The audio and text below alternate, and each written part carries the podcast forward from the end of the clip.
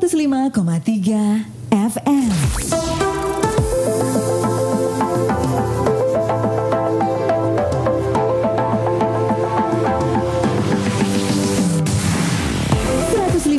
tiga FM Prakosa Lagunya enak terus 105,3 FM Rakosa lagunya enak terus. Assalamualaikum warahmatullahi wabarakatuh. Selamat pagi Sobat Rakosa. Dan juga ada kawan kota Perak beserta pendengar Star FM Kabar baik mudah-mudahan di hari ini ya. Tidak terasa sudah sampai di hari ke-17 di bulan Juni 2020 Walaupun kita tetap zaman now Neng Omah Wai tetap aja ubiak gitu ya. Apalagi sekarang sudah mulai zamannya mendaftar atau mencari sekolah. Oke, Talkshow PPDB terselenggara berkat kerjasama dengan Dinas Pendidikan Kota Yogyakarta dan juga 105,3 FM Rakosa FM 94,6 Kota Perak dan juga 100,101,3 FM Star Jogja. Oke, di kesempatan hari ini saya sudah bersama dengan narasumber dari Dinas Pendidikan Kota Yogyakarta dari Kasubag Perencanaan Evaluasi Pelaporan. Ada Bapak Fajar Afrian SE. Assalamualaikum warahmatullahi wabarakatuh Pak Fajar. Waalaikumsalam warahmatullahi wabarakatuh. Iya, bagaimana kabarnya Pak hari ini? Alhamdulillah. Mungkin bisa lebih dekat dengan mikrofonnya. Oh, iya. Nah, iya ya, baik ya. Pak. Kayaknya biar lebih enak didengar oleh pendengar ya. Oke, ini sudah hari ke-17. Ngomong-ngomong sudah masuk kita pendaftaran PPDB itu sejak kapan sih Pak? Uh, kita ada beberapa jalur sebenarnya. Ini sejak hmm. kapan sudah mulai? Ini kalau rangkaian prosesnya sebenarnya sudah dari awal bulan Juni sudah awal kita, bulan Juni sudah ya? ber, okay. sudah mulai. Mm -hmm. Sekitar tanggal 1 Tanggal itu, 1 ya. Oh berarti nggak berasa sudah hampir dua mingguan lebih ya yeah. Ya sebelum kita ngobrol lebih banyak lagi Saya juga mengingatkan kepada pendengar Baik melalui 94,6 Kota Perak Kawan Kota Perak dan juga pendengar Star FM melalui 101,3 FM Star Jogja dan juga Sobat Rakosa. Silakan, saya undang Anda untuk bisa berinteraksi langsung kepada Bapak Fajar Afrian SE melalui by phone. Silakan di 0274 88 0088. Enak tuh kalau lewat telepon langsung ketemu dengan Pak Fajar, langsung ketemu dengan solusinya ya. Tapi juga kalau Anda mau ketik melalui WA silahkan saja. Anda ketik PPDB Sekali lagi ketik PPDB, kemudian sebutkan ketik nama, alamat dan pertanyaannya apa. Lalu kirim ke 081 727 5800. Sekali lagi, untuk Anda yang mau bertanya melalui WA, ketik PPDB, nama, alamat dan juga pertanyaan, kirim ke 081 727 5800. Baiklah ya. Atau Anda mungkin juga ingin berbagi pengalaman, sharing atau mungkin juga ingin menyampaikan unek-unek gitu ya setelah kemarin mendaftar membuat akun gitu ya Pak Fajar ya. Ternyata sekarang modelnya adalah membuat akun. Dulu yeah, kemarin betul. kita sempat ngobrol juga di talkshow PPDB awal-awal itu bersama Pak siapa kemarin ya? Pak Budi ya, Pak Budi itu juga kita banyak banget yang bertanya-tanya tentang akun. Nah ini sekarang berarti pas akun sudah terlewati atau masih menunggu membuat ada yang masih belum buat akun? Uh, masih bisa kalau mm -hmm. mau uh, belum mengajukan akun mm -hmm. kita masih bisa mengajukan akun sampai uh, Hamin satu seleksi yang dipilih. Sampai Hamin satu, berarti itu sampai ha tanggal berapa itu? Uh, tanggal 29 29 Juni, Juni ya, Hamin satu. Oke, okay. Sejauh ini dari sejauh uh, apa yang sudah dilakukan oleh masyarakat ketika mendaftar, tadi kan ada per zona-zona ya.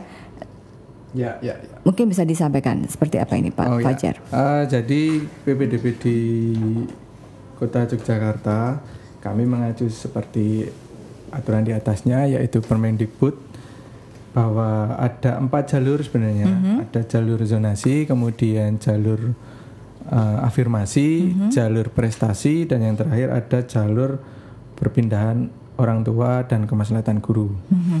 Ya, kalau di kami di Kota Jogja dari keempat jalur itu uh, kita kita sesuaikan dengan kekasan Kota Jogja di mana wilayahnya cukup sempit ya Kota Jogja, kemudian penduduknya juga sangat padat sehingga eh, jalur-jalur uh, itu tadi kita bagi-bagi lagi menjadi uh, beberapa jalur. Misalnya untuk jalur zonasi mm-hmm. itu ada dua jenis yaitu zonasi wilayah dan zonasi mutu. Kemudian untuk uh, jalur afirmasi itu kami uh, menggunakan ada jalur afirmasi KMS yaitu bagi penduduk miskin dan jalur afirmasi disabilitas.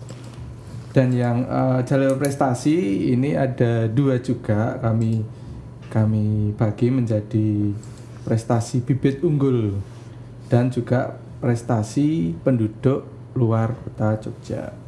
Sedangkan yang terakhir tadi untuk uh, perpindahan orang tua dan kemaslahatan guru Mhm. dari namanya sudah jelas itu nanti diperuntukkan bagi ASN, TNI, Polri, kemudian uh, pegawai BUMN, BUMD dan juga bagi guru-guru yang mengajar di kota Yogyakarta. Seperti itu.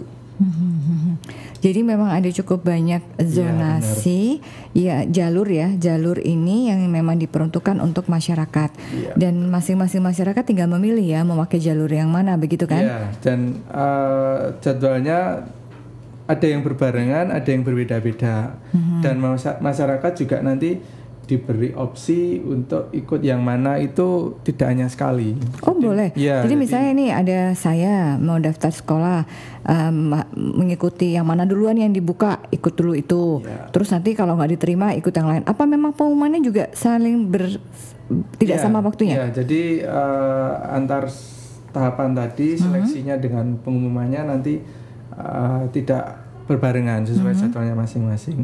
Misalnya untuk yang sudah terlaksana di minggu kemarin itu Mhm. adalah untuk jalur prestasi bibit unggul. Jalur prestasi bibit unggul ini uh, intinya merupakan seleksinya itu dasarnya dari anak-anak yang berprestasi di masing-masing sekolah di kota Jogja. Jadi setiap sekolah kita ambil 10% anak berprestasi. 10% ya, pers Iya, pakai persentase iya, ini ya. Yang Jadi berhak ikut seleksi hanya 10%. 10% dari, jumlah siswa yang ada di sekolah Iya, tersebut. jumlah siswa di jenjang, jenjang akhir. Jenjang akhir, oke. Ya. Kemudian itu yang yang berhak ikut itu. Mhm. Kemudian dari sekian yang berhak ikut itu kita seleksi menggunakan nilai raport. Nilai akhir ya, nilai akhir, nilai akhir itu gabungan antara nilai raport dengan indeks sekolah. Itu sudah kita laksanakan di bulan kemarin. Eh eh, mohon maaf di minggu kemarin. Minggu kemarin. Ya.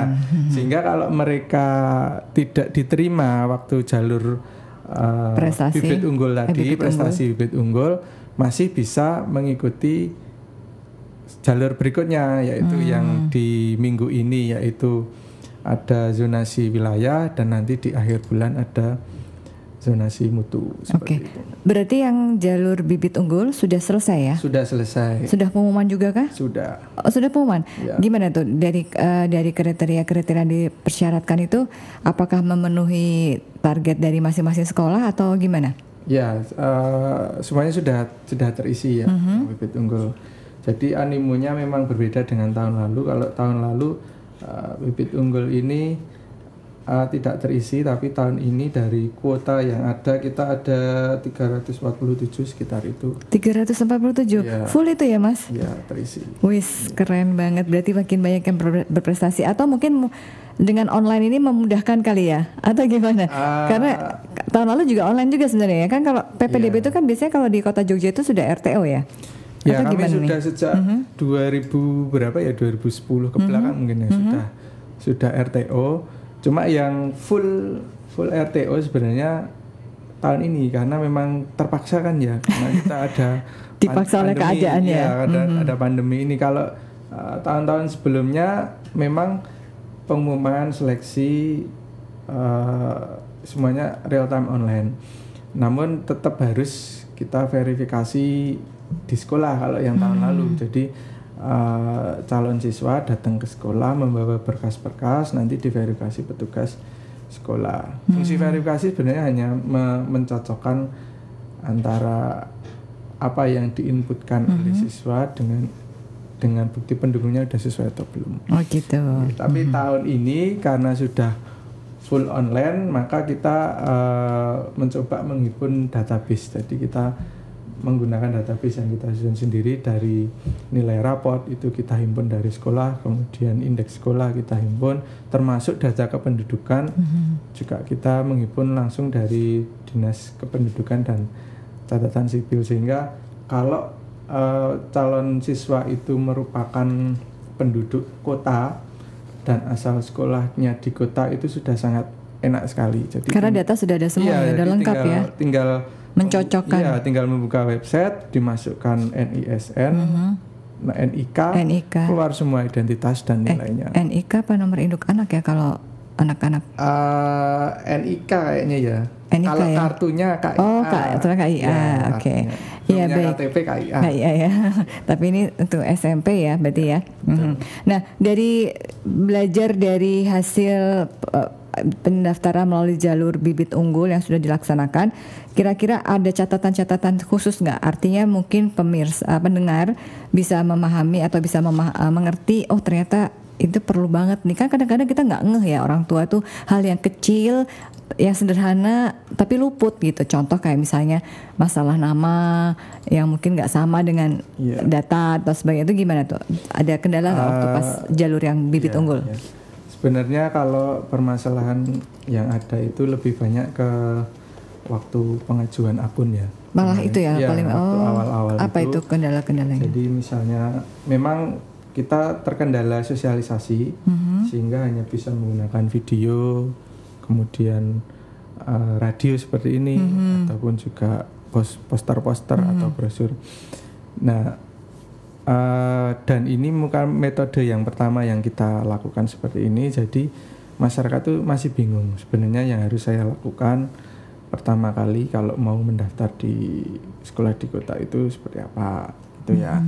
Nah, metode yang baru ini kan harus membuat istilahnya membuat akun dulu ya, mendaftar akun di website, nanti dapat token, token dan token itu nanti eh, di diaktifkan. Nah, kalau sudah aktif, akunnya aktif, nanti bisa digunakan eh, login dan nanti bisa digunakan untuk mendaftar sekolah mau milih jalur yang mana. Nah, itu kebanyakan eh, masalahnya ada di situ. Macam-macam ya, misalnya eh, saya kebanyakan itu keliru seperti ini. Saya ngetik harusnya dia asal sekolah luar kota, dipilihnya dalam kota sehingga datanya tidak keluar. Oh, itu iya, iya, komplain.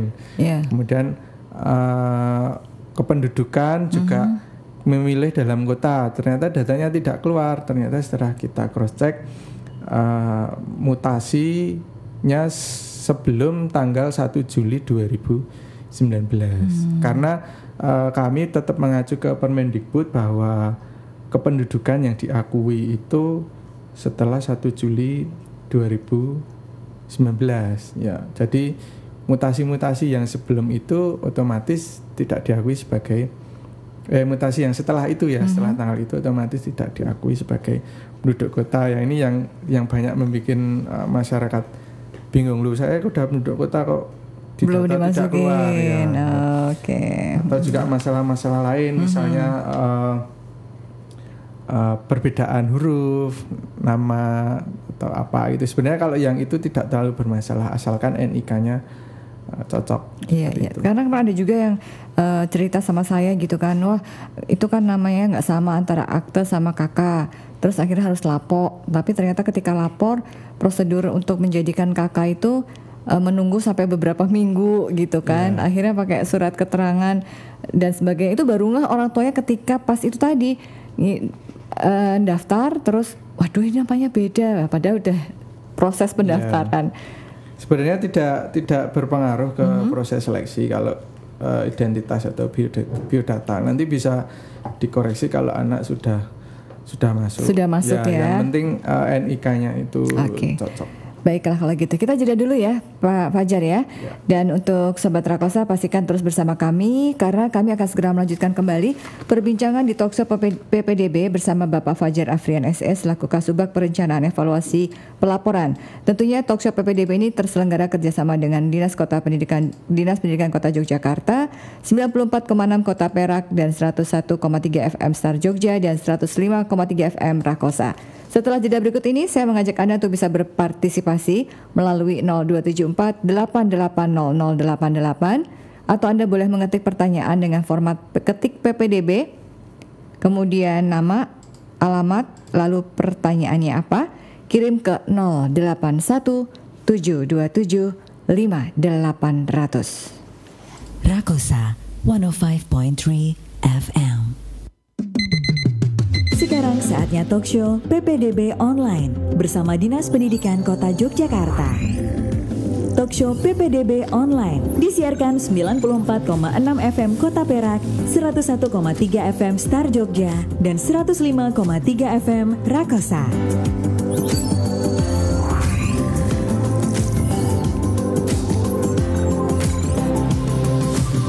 Sobat Rakosa, kawan Kota Perak dan juga pendengar Star FM Terima kasih banyak ya. Anda masih terus setia terus di Talkshow PPDB online Tentunya bersama dengan Bapak Fajar Afrian SS Laku Kasubag Perencanaan Evaluasi Pelaporan dan bersama saya Erina Sabrina. Yang pasti sekarang Anda sedang streaming atau mungkin Anda memanfaatkan juga langsung melalui live YouTube ya di Rakosa FM ya. Anda juga mungkin sedang menyimak langsung melalui frekuensi 94,6 Kota Perak atau juga 101,3 FM dan juga 105,3 FM. Saatnya Anda bisa bergabung berinteraksi bersama kami.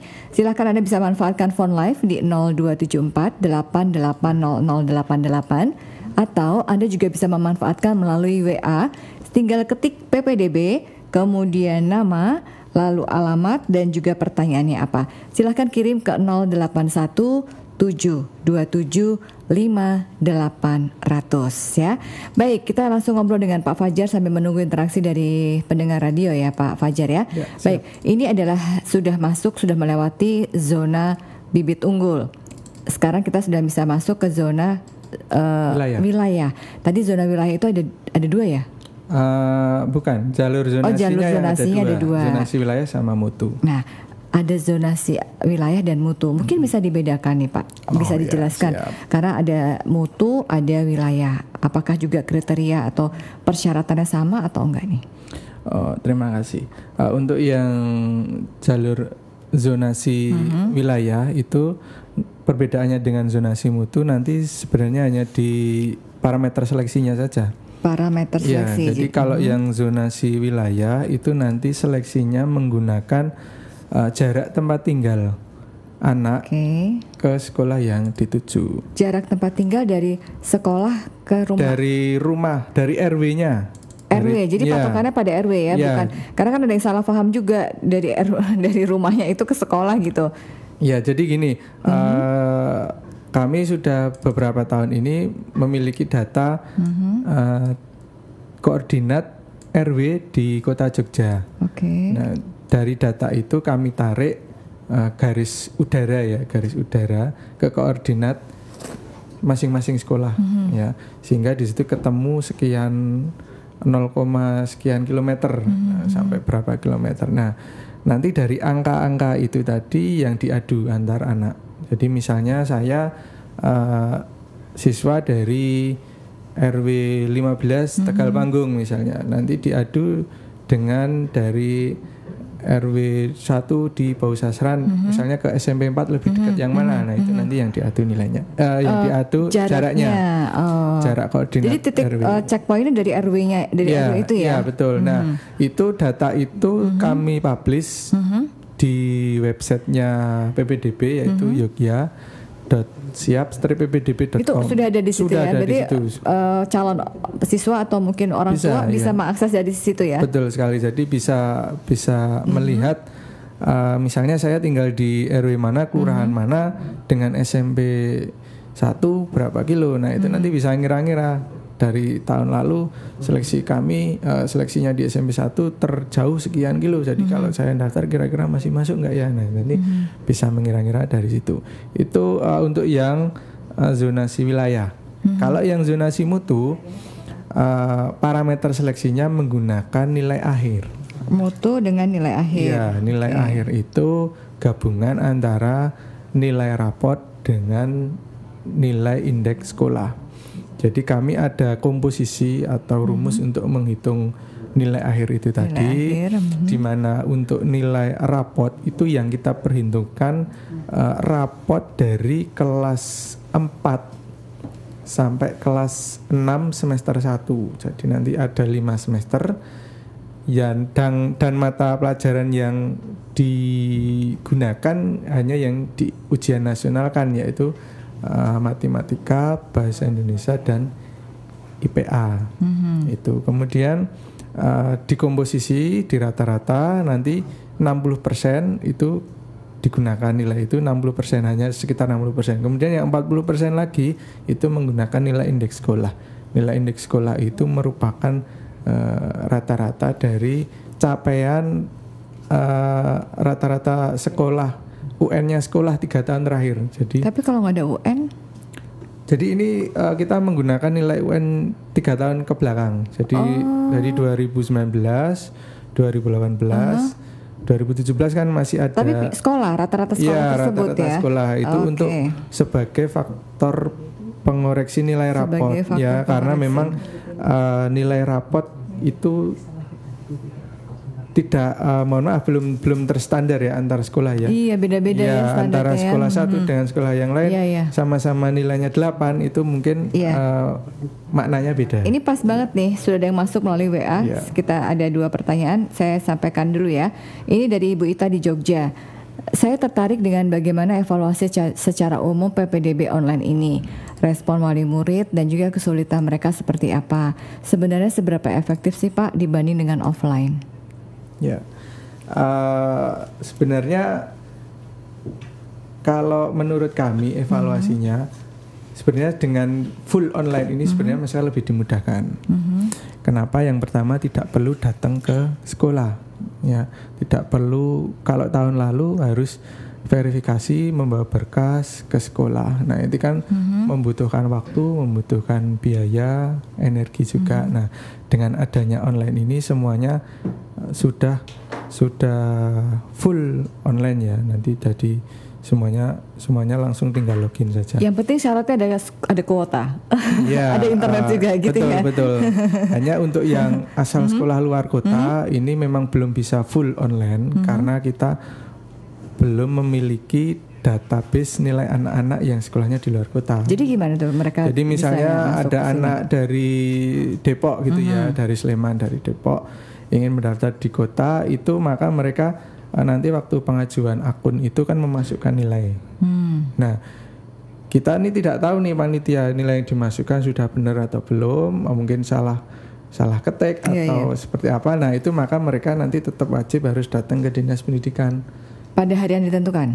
Eh, Iya, se- pokoknya sebelum pendaftaran dimulai. Tapi ada ada ada pemberitahuan nggak? Misalnya kan mereka kan masukin tuh secara offline, Ada. eh, secara online. Kemudian ada kekeliruan nggak ngeh gitu kan? Apakah dari dinas memberikan informasi tersebut atau enggak? Eh, jadi otomatis kalau belum verifikasi ke dinas nanti akunnya belum terverifikasi. Jadi belum bisa digunakan untuk mendaftar. Iya, iya. Nah, sehingga nanti harus datang ke dinas membawa rapot asli. Cukup rapot Membawa asli. rapot saja. asli aja ya. Iya. Nanti tinggal kita cross check aja yang mereka isikan sudah sesuai atau belum Baik. itu. Pertanyaan kedua dari Ibu Rizka. Eh, selamat pagi Mbak Erin dan juga Pak Fajar. Mau menanyakan tentang mutu. Tadi kalau tidak salah ada yang jalur yang berdasarkan mutu. Apa bedanya dengan jalur prestasi? Terus kalau dengan mutu ini kan pakai nilai raport. Nah, tadi sempat Bapak menyampaikan tidak standar antara satu sekolah dengan sekolah lain. Ini saya akui betul karena saya punya dua anak S dua anak eh, oh, punya satu anak saya dan saya ponakan itu nilainya standarnya beda banget dari sekolah yang berbeda. Di sekolah anak saya nilai 8 itu udah sangat bagus banget. Oh, maaf, di anak saya nilai 7 itu udah sangat bagus sekali. Tetapi di sekolah anak eh, di sekolah ponakan saya nilai yang terbaik itu harus 9 sehingga kemarin-kemarin itu sempat sebelum terjadi pandemi ada beberapa nilai yang harus di eh, dinaikkan. Nah, bagaimana caranya menyetandarkan nilai ini? Apalagi kalau dijumlah secara total. Terus apa kaitannya dengan nilai 3 tahun UN? Tadi saya kok agak sedikit terlambat ya. Itu kalau sekolah saya, sekolah anak saya standar UN yang nggak begitu bagus, berarti jelek dong hasilnya. Gimana Pak? Mohon penjelasan. Ya, Eh, jadi ini bedanya antara jalur zonasi mutu dengan jalur prestasi. Mhm. Intinya kan untuk jalur zonasi mutu itu eh, diperuntukkan bagi penduduk yang kakaknya kota Jogja.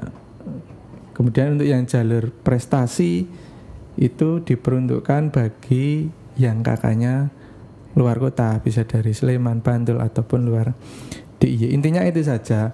Parameter seleksinya sama-sama menggunakan eh, nilai akhir. Dan nanti waktu seleksinya juga bersamaan. Jadi dari tanggal eh, 29 Ini sampai- bersamaan antara Iya, mutu sama dengan yang zonasi Oh, zonasi. mutu dengan jalur, jalur prestasi, bersamaan. Oh iya iya. tanggal iya. Mhm. 29 sampai 29 Juni sampai 1 Juli.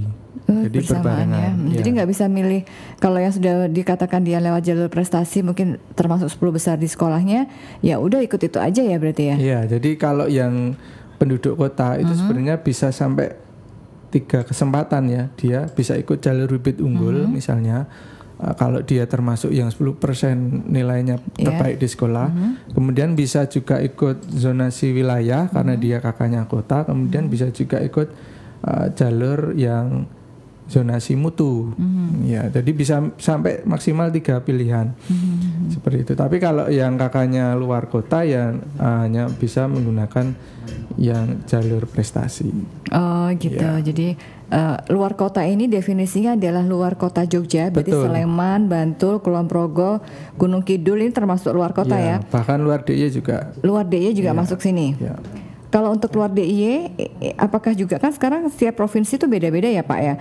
Mama DIY sekarang sudah mulai PAT, tapi di Jakarta mungkin belum, atau mungkin yang Jakarta udah selesai. Nah itu gimana? Apakah disamakan dengan standarnya Jogja atau memang seluruh Indonesia ini sama? Uh, kalau terkait ini nyambung dengan yang nilai rapor Iya, tadi iya. ya pertanyaan nilai rapor. Jadi memang uh, bahkan di dalam kota Jogja pun nilai antar nilai rapor antar sekolah itu memang tidak bisa langsung diperbandingkan. Hmm. Sehingga maka di situ uh, kami jelaskan tadi ada Hmm. 40% nilai rata-rata UN sekolah yang digunakan Mhm. sebagai faktor pengoreksi untuk nilai rapot. Sehingga 60% nilai akhir itu komposisinya 60% nilai rapot, Rapot, dan ya. 40% nilai indeks sekolah. Nilai indeks sekolah ini dihitung dari rata-rata UN sekolah itu selama tiga tahun ke belakang. Nah di situ kan kelihatan jadi ada sekolah yang uh, standarnya mungkin tinggi tapi menggunakan parameter UN ini ya standarnya tinggi ada yang sedang ada yang rendah. Nah di situ nanti uh, sebagai faktor pengoreksi. Uh, kemudian kalau yang luar DIY tadi ya. Kalau saya DIY kami punya semua nilai indeks indeks indeks sekolah di semua sekolah SD di seluruh DIY. Mhm. Karena kami punya datanya nilai UN terakhir di semua sekolah Seluruh DIY ya, Iya, berarti termasuk punya. yang Sleman. Betul, nggih. Iya. Dan itu juga sudah kita publish di websitenya PPDB di yogyakarta.siap-ppdb itu. Berarti masyarakat bisa melihat sekolah saya indeksnya berapa. Nanti bisa dikomposisi sendiri. Uh, kemudian kalau yang luar DIY itu uh, faktor pengoreksinya nanti menggunakan nilai rata-rata UN-nya DIY.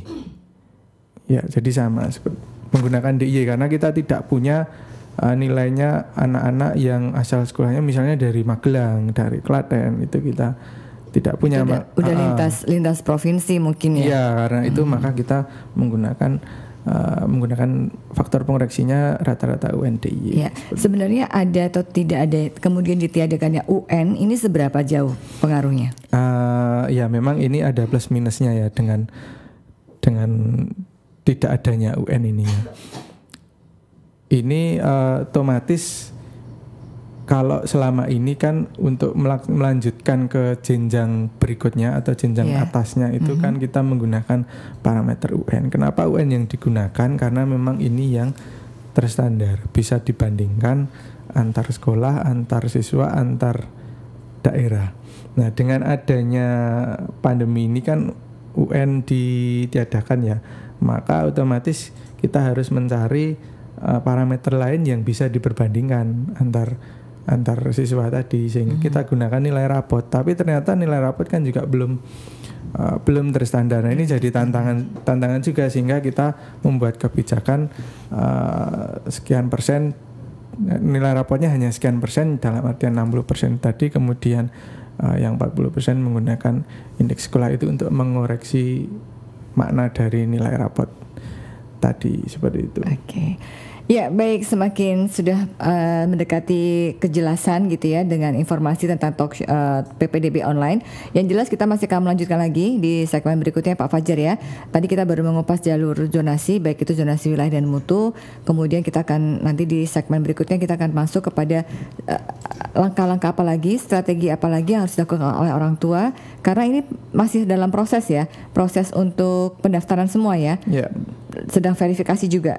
Ya, jadi yang da, yang asal sekolah luar kota masih bisa verifikasi. Berarti asal luar kota ya. ya. ya. Baiklah, kita jeda dulu ya Pak Fajar ya. Ya, siap. ya baik untuk Sobat Rakosa tetaplah bersama kami hanya di Talkshow PPDB Online.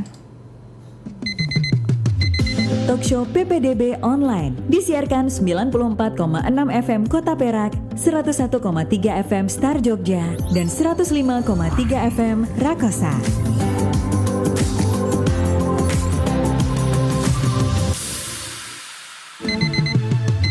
Talkshow PPDB Online disiarkan 94,6 FM Kota Perak, 101,3 FM Star Jogja, dan 105,3 FM Rakosa. Oke, terima kasih banyak untuk Sobat Rakosa, kawan Kota Perak dan juga pendengar Star FM ya. Sekarang sudah jam 10 lebih 48 menit dan Anda masih menyimak terus perbincangan di talk show PPDB Online. Tentunya bersama Pak Fajar Afrian, SS, selaku Kasubag Perencanaan Evaluasi Pelaporan ya. Saat yang tepat sekali kalau Anda baru bergabung dan atau sudah dari tadi bergabung, lalu menyimpan segudang pertanyaan, jangan disimpan aja pertanyaannya ya. Langsung disampaikan aja By phone juga boleh 0274888 0088 atau bisa juga melalui WA. Silahkan ketik PPDB, nama, alamat dan juga pertanyaannya apa.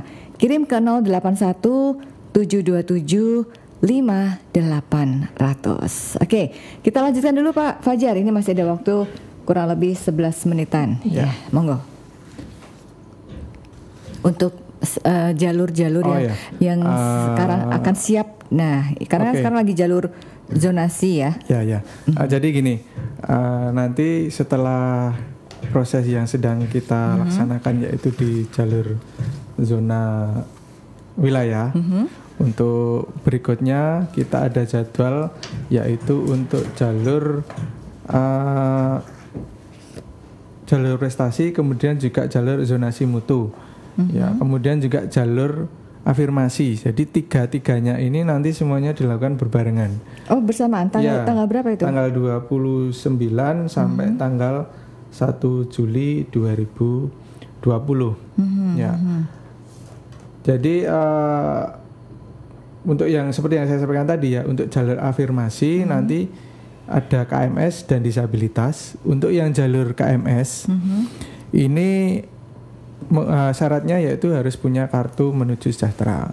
Kartu, itu syarat utamanya. Ya, kartu menuju sejahtera itu hmm. kartu istilahnya kartu prasejahtera ya yang diterbitkan oleh pemerintah kota. Sedangkan hmm. uh, untuk yang jalur afirmasi disabilitas hmm. ini uh, tidak dilakukan secara real time online. Hmm. Ya, jadi secara offline. Jadi silakan masyarakat yang akan mengakses jalur afirmasi disabilitas hmm. dapat langsung datang ke UPT Unit Layanan Disabilitas. Lokasinya ada di Komplek SD Pujokusuman. Mm-hmm. Ya, uh, nanti di sana akan dilayani termasuk sekalian nanti di asesmen. Jadi uh, disabilitasnya di bagian apa nanti di uh, disalurkan ke sekolah mana nah oh, itu nanti sudah di asesmen di sana ada, semua nanti dan itu ya. dilaksanakan uh, secara offline mm-hmm. ya kemudian yang belum kami sampaikan juga yang SD ini Mbak Erina tadi ya, yang, SD. yang SD belum yang SD belum disinggung ya ya SD, oh iya SD. Uh, SD itu kami ada 89 SD itu ada 37 yang real time online mm-hmm. sisanya offline oh. ya kalau yang offline nanti seleksinya uh, mau tidak mau harus datang ke sekolah ya. Tapi di sekolah sudah kita siapkan protokolnya. Protokol kesehatan sudah ada protokol ya. kesehatannya kita siapkan. Kita siapkan juga. Kemudian kalau yang real time online nanti Iya. lewat website kami yogyakarta.siapstrip.ppdb.com. Oke. Untuk yang Untuk SD. Yang SD ini ada yang offline, ada yang online berarti ya? Iya, betul. Oh. Seleksinya nanti dua-duanya menggunakan uh, usia. Oh, kalau SD beda ya? Iya, Kalau SD itu usia. Iya, karena kan nggak ada nilai TK Tujuh ya. tahun ya? Iya, karena nggak ada nilai TK. Tuh Bapak Ibu, Maka- makanya kalau masih TK tuh jangan di push untuk suruh Iya. suruh kejar nilai. Abis kebanyakan pada orang tua gitu semua loh, anak-anak TK tuh Iya. suruh baca. Bahkan terus, kita baca tidak terus. mensyaratkan ijazah TK, Mbak Emi- Mbak Erina. Jadi Jadi kalau yang tidak eh, ikut TK langsung ke SD juga bisa. yang penting umurnya tujuh. Iya, yang penting usianya. Eh, Nah, masalah usia gimana tuh? usianya gini, jadi usianya Mhm. eh, tergantung pendaftar ya nanti ya. Jadi usia 7 itu memang kalau di Permendikbudnya wajib diterima ya. Iya. ya. Kalau yang di bawah 7 memang nanti bisa diterima tergantung kuotanya masih ada nggak. Oh, Jadi misalnya ada 100 kursi, yang usia 7 ada 70 kursi, maka otomatis yang 30 kursi nanti akan terisi dari uh, anak-anak yang usianya di bawah 7. Tergantung animo pendaftarnya seperti apa. Nah, ini juga nanti kita ada uh, afirmasi-afirmasi ke penduduk kota ini untuk yang SD ini. Jadi kalau dia tambahan nilainya kalau daftar SD di mana lokasinya masih satu kecamatan dengan lokasi tinggalnya nanti usianya kita tambah 180 hari. Jadi dituakan kita tambah usianya. Kalau yang eh, beda kecamatan tapi masih eh, penduduk kota tapi daftarnya di sekolah yang beda kecamatan dengan anak tersebut tinggal nanti usianya ditambah 120 hari. oke. Sedangkan untuk yang luar kota ya apa adanya usianya berapa itu yang kita nanti perbandingkan di seleksinya SD. Nah yang SD ini nanti cukup eh, akte dan kakak saja yang eh, berkasnya yang bisa yang kita gunakan nanti untuk seleksi seperti itu. Mhm, Jadi itu ya kalau untuk anak SD nggak terlalu berlibat banget dan tidak perlu nilai zaman TK tapi pasnya umur karena memang umur itu jadi patokan utama ya Iya kalau Pak Fajar ya. Iya, kalau Karena SD. kalau SD itu ada yang zaman apa ya tahun-tahun berapa itu kan anak umur 6 tahun aja udah bisa diterima jadi eh, anak sekolah SD. Tapi mungkin ada perbedaan ya antara SD negeri sama SD swasta ya. Ah, iya memang memang animo masyarakat juga beda-beda ya kalau Oh. kalau SD itu. Mhm. Ah, ini ini kasus kasus unik kalau di Kota Jogja. Jadi animo masyarakat untuk Iya. mendaftarkan ke SD swasta itu ternyata lebih tinggi daripada SD negeri. Makanya SD negeri jadi banyak kekurangan Ah, malah pelajar ya. Masih Iya, cukup atau kurang kurang pelajar atau kursinya sisa. Oh. Muridnya banyak lari ke Iya, iya. ke swasta, SD swasta. Ya. Tapi kalau SMP malah sebaliknya ya. Ah iya betul kalau SMP, SMP negeri. apalagi SMA itu masih negeri minded. Iya iya iya. Hmm. Nah itu itu itu fenomena yang yang unik kalau Terjadi di Jogja gitu ya. kota Jogja. Jadi, dan ini juga saya amati sampai ke jenjang ke bawahnya dari jenjang PAUD TK itu uh, orang tua lebih lebih senang menye- menye- menyekolahkan ke sekolah Swasta. swasta. Mungkin ya uh, karena yang swasta biasanya ekstrakurikulernya lebih banyak. Ya, fasilitas prasarananya itu yang biasanya ya. banyak, Sehingga Ya, anak-anak ya. itu kreativitasnya lebih. Ini tantangan nih buat sekolah-sekolah negeri yang Betul, SD ya, iya. berarti PR besar supaya bisa tetap dipilih dan menjadi tempat pembelajaran yang terbaik gitu kan ya. Iya, betul sekali. Oke, baik kita kembali ke ini. Tadi kan sudah ada eh, tiga hal yang bersamaan tadi melalui jalur jalur zonasi, kemudian afirmasi ya sama ya. Ya, Itu satu lagi adalah prestasi. prestasi bersamaan. Nah, pertanyaan saya adalah bagaimana dengan sekolah-sekolah yang tadi ada di luar kota?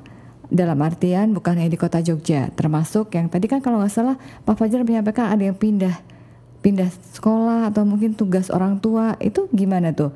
Oh ya, jadi untuk yang jalur perpindahan orang tua dan kemaslahatan guru kan tadi uh, kita kasih kuota 5% ya.